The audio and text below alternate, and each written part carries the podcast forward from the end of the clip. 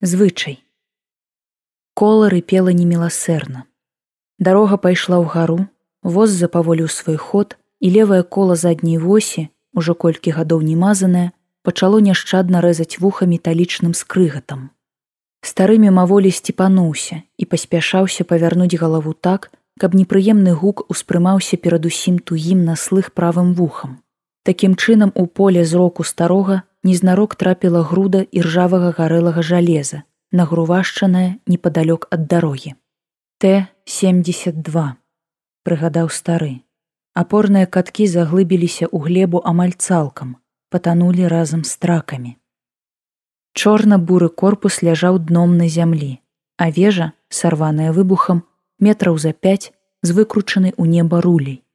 Добра ж яго прыпякло, падумаў стары і паглядзеў на возніка. Хлопчык, унук старога, не звяртаў на танк аніякай увагі. Для яго гэты старажытны цуд тэхнікі быў такой жа часткай пейзажу, як скажам, які валун ці дрэва. Андрейка моўчкі утаропіўся ў дарожную каляіну і амаль не рухаўся, толькі час ад часу папраўляў курс калёс лейцамі.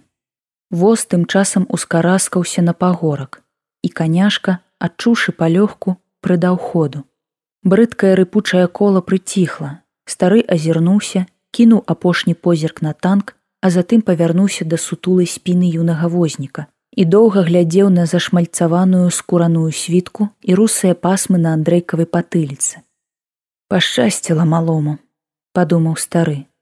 Ён ніколі не бачыў гэтай машыны ў дзеянні. Кашаль раптоўна падабраўся да горла. Стары зайшоўся, закрываючы рот даланёй ад сліны і макроты і ўжо ніколі не пабачыць. Як вы пане, усё добра? падаў голас Андрейка. Упершыню за ўвесь доўгі шлях. Нічога, так сынку. Усміхнуўся стары. Прамаўляючы сваё кароткае пытанне, Андрейка так і не павярнуўся да суразмоўцы. Працягваў пільна сачыць за дарогай. Паводле голасу стары здагадаўся. Прычынай таму былі чырвоныя запаленыя вочы і змочаныя слязьмі шчокі малога. Андрейка быў самым малодшым унукам і вельмі любіў дзеда, таму яго і абралі. Усё добра. Стары паспрабаваў лепш уладкавацца на сене і паправіў мех з рэчамі пад бокам, каб было зручней ехаць.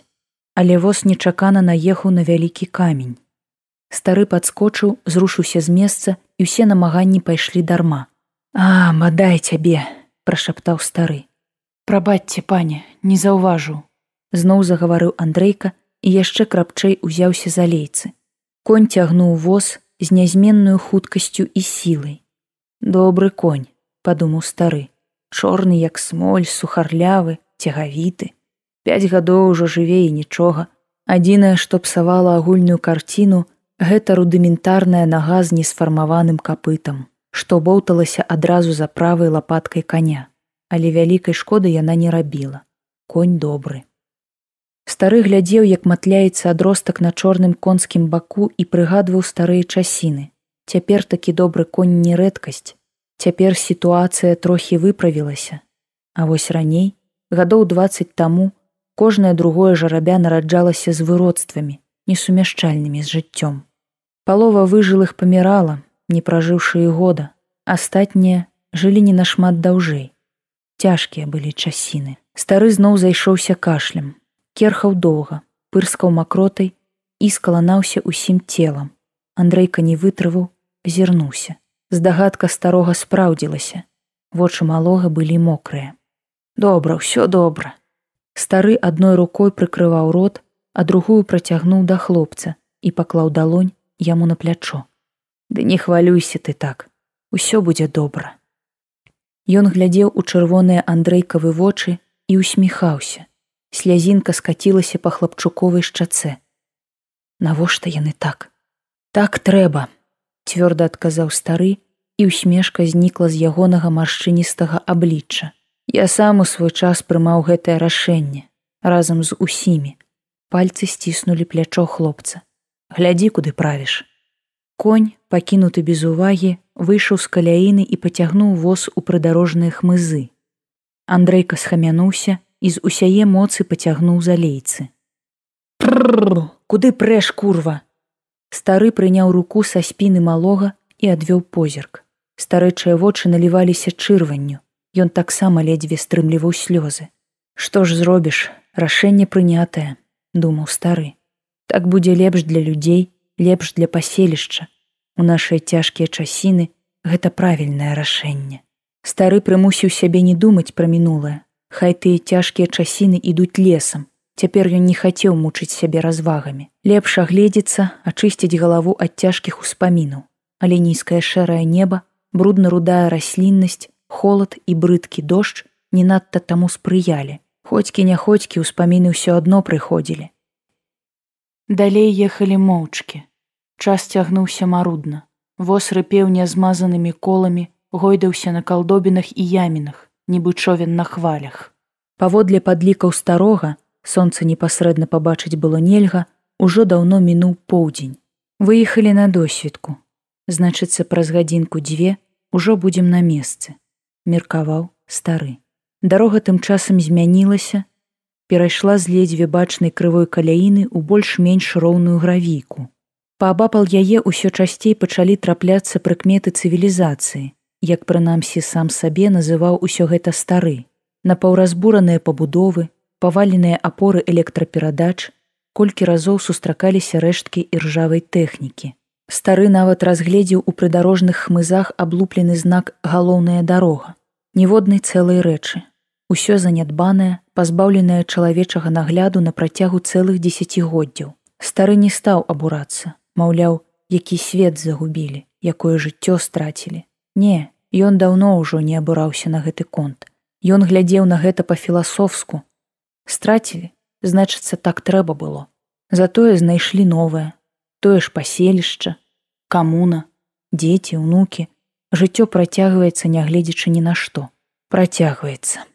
Але цяпер без ягонага, старога удзелу. Калі 30 гадоў таму на радзе мужчын паселішча было прынята рашэнне аб аднаўленні старажытнага звычаю, ён малады яшчэ мужчына не думаў, што дажыве да гэтага моманту. Тады, на пачатку супольнага жыцця, калі нешматлікім выжылым удалося такі згуртавацца, арганізаваць паселішча і вытрываць ва ўмовах, калі ўвесь свет ляцеў бездань, дык вось тады нельга было дакладна сказаць, дажывеш ты да вечара ці не. Таму думка пра тое, каб пад дасягненне 60гадовага ўзросту жыхаров вывозіць за межы паселішча ў руіны сталіцы, дзеля пазбаўлення ад лішняга рота, здавалася безумоўна рацыянальнай, але неажыццяўляльнай. Дажыві паспрабуй да 60 гадоў, калі летні штодзень даводзіцца адбіваць напады марадзёраў, а збожжа, засеянае ў весну, за лета амаль цалкам гіне ў напоўненай радыяцыі глебе. Ён дажыў адзін з нямногіх. Бачу шмат чаго, шмат чаго зрабіў, мае пэўны досвед, але руки ўжо не тыя.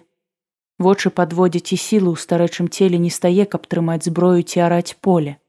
Лішні рот у цяжкія часіны карміць бескарыснага ўтрыманца, прыхамаць, што можа прывесці да сумных наступстваў. Стары быў згодны з гэтым 30 гадоў таму, згодны і цяпер. Вось толькі вочы чамусьці поўняцца слязьмі. Стары выцер шчокі рукавом і паглядзеў на андрейкаву спіну. Унук. Сёмы. Згодна са старой традыцыі менавіта самы малодшы ўнук мае выправіць деда ў апошні шлях пераемнасць пакаленняў. Стары перавёў позірк наперад, на дарогу. Воз звярнуў на асфальт. Пачалася шырокая дарога, падзеленая пасярэдзіне металічнай перагародкай. Аўтастрада.